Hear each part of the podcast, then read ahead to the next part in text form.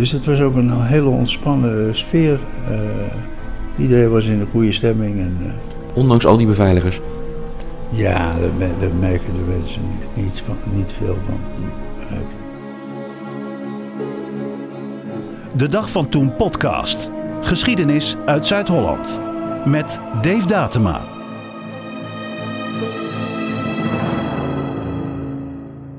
Welkom bij de 21ste aflevering van de Dag van Toen podcast. Een geschiedenispodcast over opmerkelijke, interessante en belangrijke momenten uit de geschiedenis van Zuid-Holland. Deze aflevering gaan we terug naar 1997. In Den Haag kijken ze niet meer zo vreemd op als er een regeringsleider, staatshoofd, koning of president langskomt. In Rotterdam is dat wat ongebruikelijker. De machtigste man ter wereld, de president van de Verenigde Staten, bezocht pas één keer tijdens een ambtsperiode Rotterdam. Dat gebeurde in 1997, deze week 25 jaar geleden. De president was toen Bill Clinton. Om vijf over acht was het zover. Bill Clinton besteeg het podium in Rotterdam. Iets vertraagd vanwege het drukke programma in Den Haag. Het publiek ging uit zijn dak. Duizenden Amerikanen, maar ook vele Rotterdammers. Zij bedankten Amerika voor de hulp bij de wederopbouw 50 jaar geleden. Tonight, in honoring those remarkable accomplishments begun 50 years ago, our purpose must be to summon the spirit of the Marshall generation to create a structure of opportunity and freedom and security for the next 50 years and beyond. Het hoort zeker bij de hoogtepunten uit mijn burgemeesterschap. Omdat je natuurlijk, uh, de president van Amerika gaat naar Den Haag, het regeringscentrum. Misschien naar de hoofdstad, en misschien in dit geval was hij naar Rotterdam. Denkt u ook dat achteraf teruggezien dat het de meest invloedrijke man is geweest die u tijdens uw carrière heeft ontmoet, de Amerikaanse president? Ja, uh, invloedrijker is er niet in de aanbieding in, in, eh, in de wereld. Dus, uh. Bram Peper was burgemeester van Rotterdam in 1997. Nu 82 jaar, toen 57. Hij mocht Clinton tijdens zijn bezoek aan Rotterdam ook ontvangen en toespreken. Mr. President, Mrs. Clinton, Your Royal Highness. De aanleiding voor het bezoek was het 50-jarig jubileum van de Marshallhulp in 97, de hulp van de Verenigde Staten na de Tweede Wereldoorlog aan Europa. In 96 was duidelijk dat de president de oceaan zou oversteken, maar waar zou hij naartoe gaan? Het ging om een centrale Europese viering. Clinton kwam dus alleen naar Nederland voor deze gebeurtenis. Bezoek aan Den Haag is dan ook logisch. Dan zijn diezelfde regeringsleiders, staatshoofden, koning en presidenten natuurlijk weer aanwezig.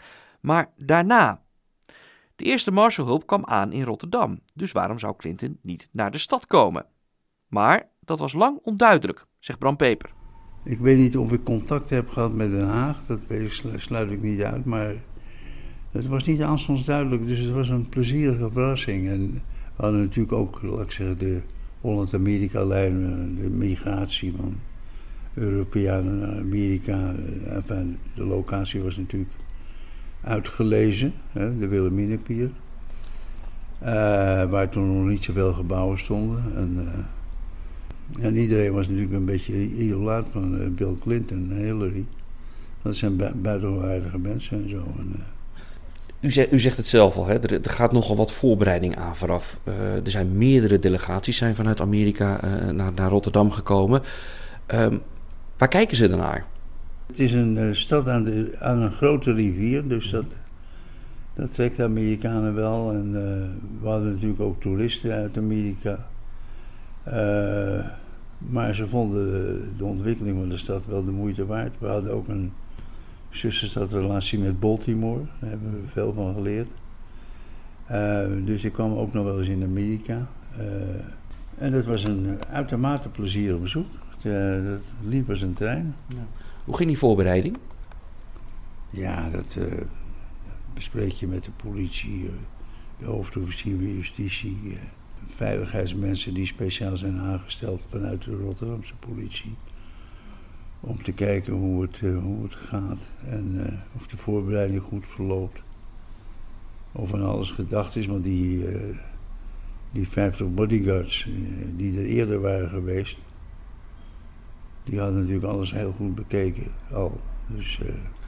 Wie heeft het dan voor het zeggen? De Amerikanen, omdat het hun president is? Of Rotterdam, omdat het hier is. Ik denk dat ik eh, heel praktisch ben geweest en gezegd: we gaan uh, niet op onze strepen staan. Hè. De openbare orde is een verantwoordelijkheid van de burgemeester, maar we doen het in nauwe samenwerking met de Amerikaanse geheime dienst of bodyguarddienst.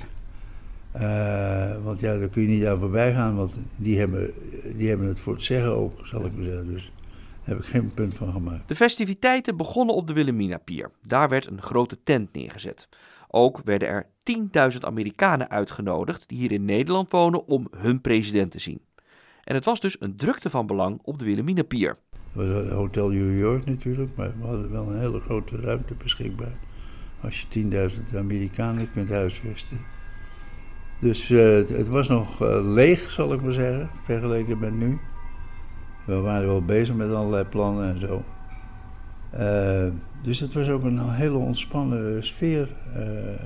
iedereen was in een goede stemming. En, Ondanks al die beveiligers? Ja, daar, merken de mensen niet, van, niet veel van. Verliep het hele bezoek zonder problemen?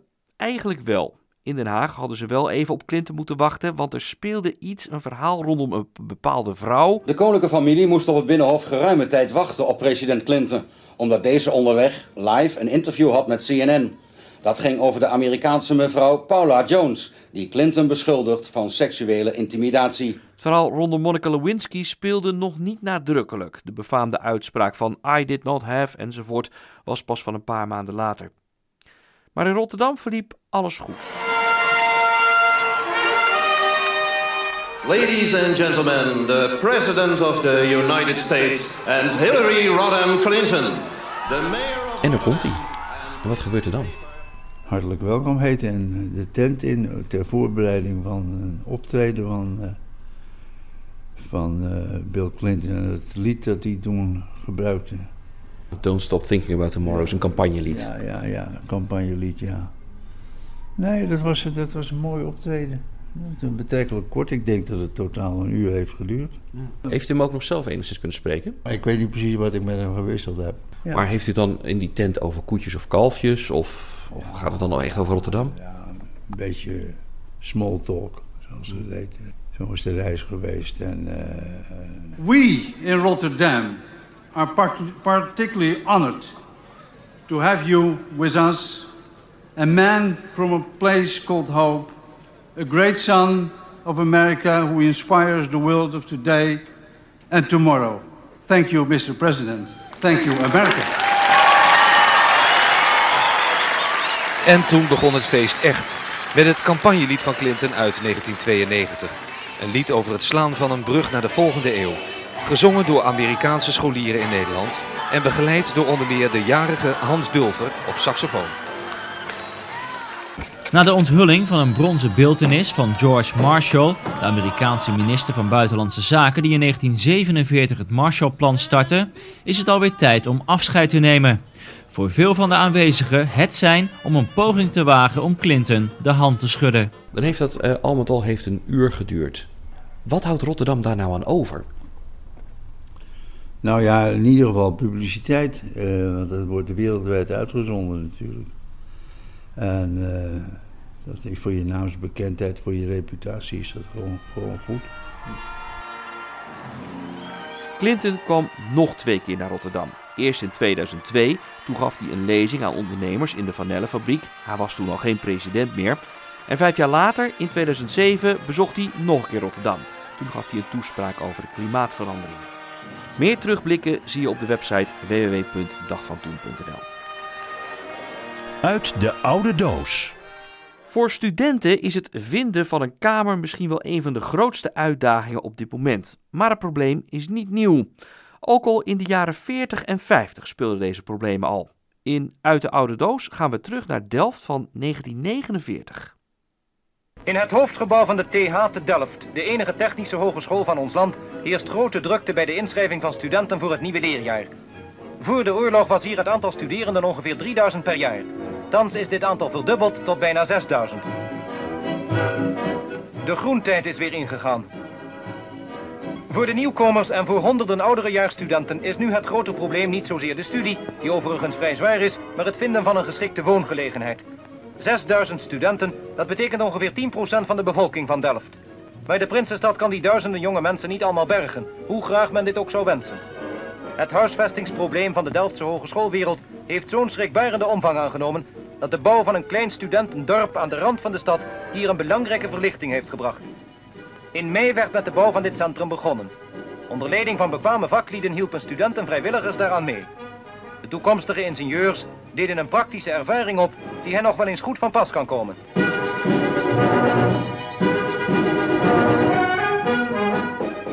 Er moest in eeuwtempo gewerkt worden, omdat men bij het ingaan van het nieuwe studiejaar gereed wilde zijn. En dat is gelukt. Het eerste studentendorp van Nederland, en misschien zelfs van de hele wereld, heeft reeds bewoners. 200 studenten hebben hier een onderdak. Wanneer eenmaal bewezen is dat dit ook een goed onderdak is, dan hoopt men tot een grote uitbreiding van het Delftse studentendorp over te gaan.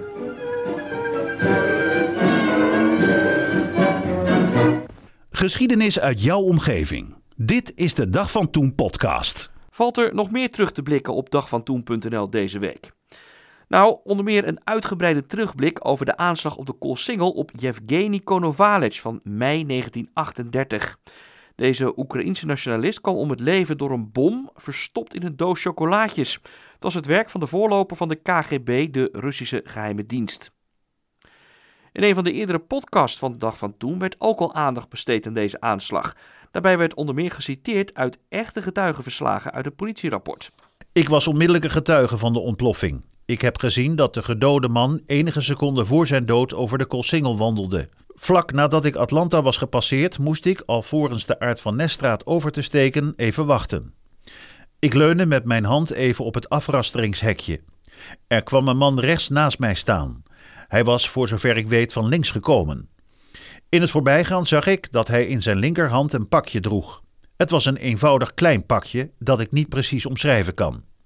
Toen de man mij gepasseerd was, liep hij opvallend stevig door. Hij scheen gehaast, als iemand die een bepaalde trein wil halen. Opeens, terwijl hij ter hoogte van de Corso-bioscoop liep, ontplofte dat pakje dat hij nog steeds in zijn linkerhand hield. Komend weekend is er ook een terugblik op het verhaal rondom Rinus Weerman. De Haagse jongeman krijgt twee jaar cel opgelegd omdat hij weigert als dienstplichtige zijn lange haren te knippen. Als de straf bekend wordt, breken er protesten uit en daarna worden de regels aangepast. Ook een terugblik op de finale van Feyenoord voor de UEFA Cup. Tottenham wordt met 2-0 verslagen.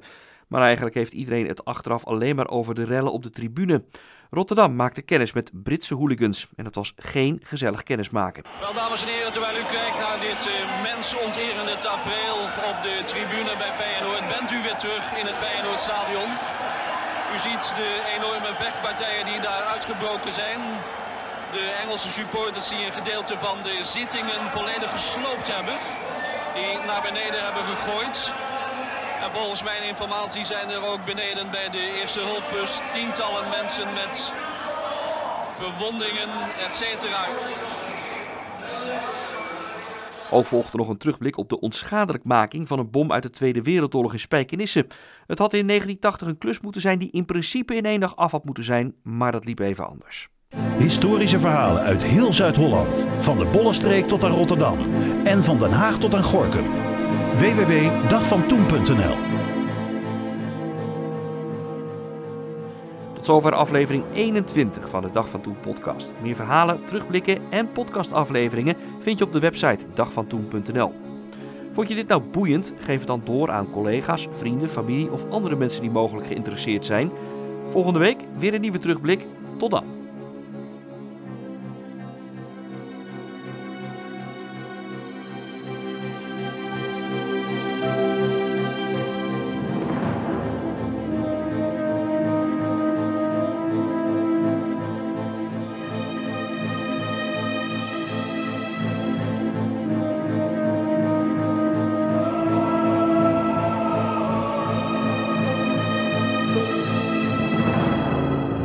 Van Toen podcast. Geschiedenis uit Zuid-Holland.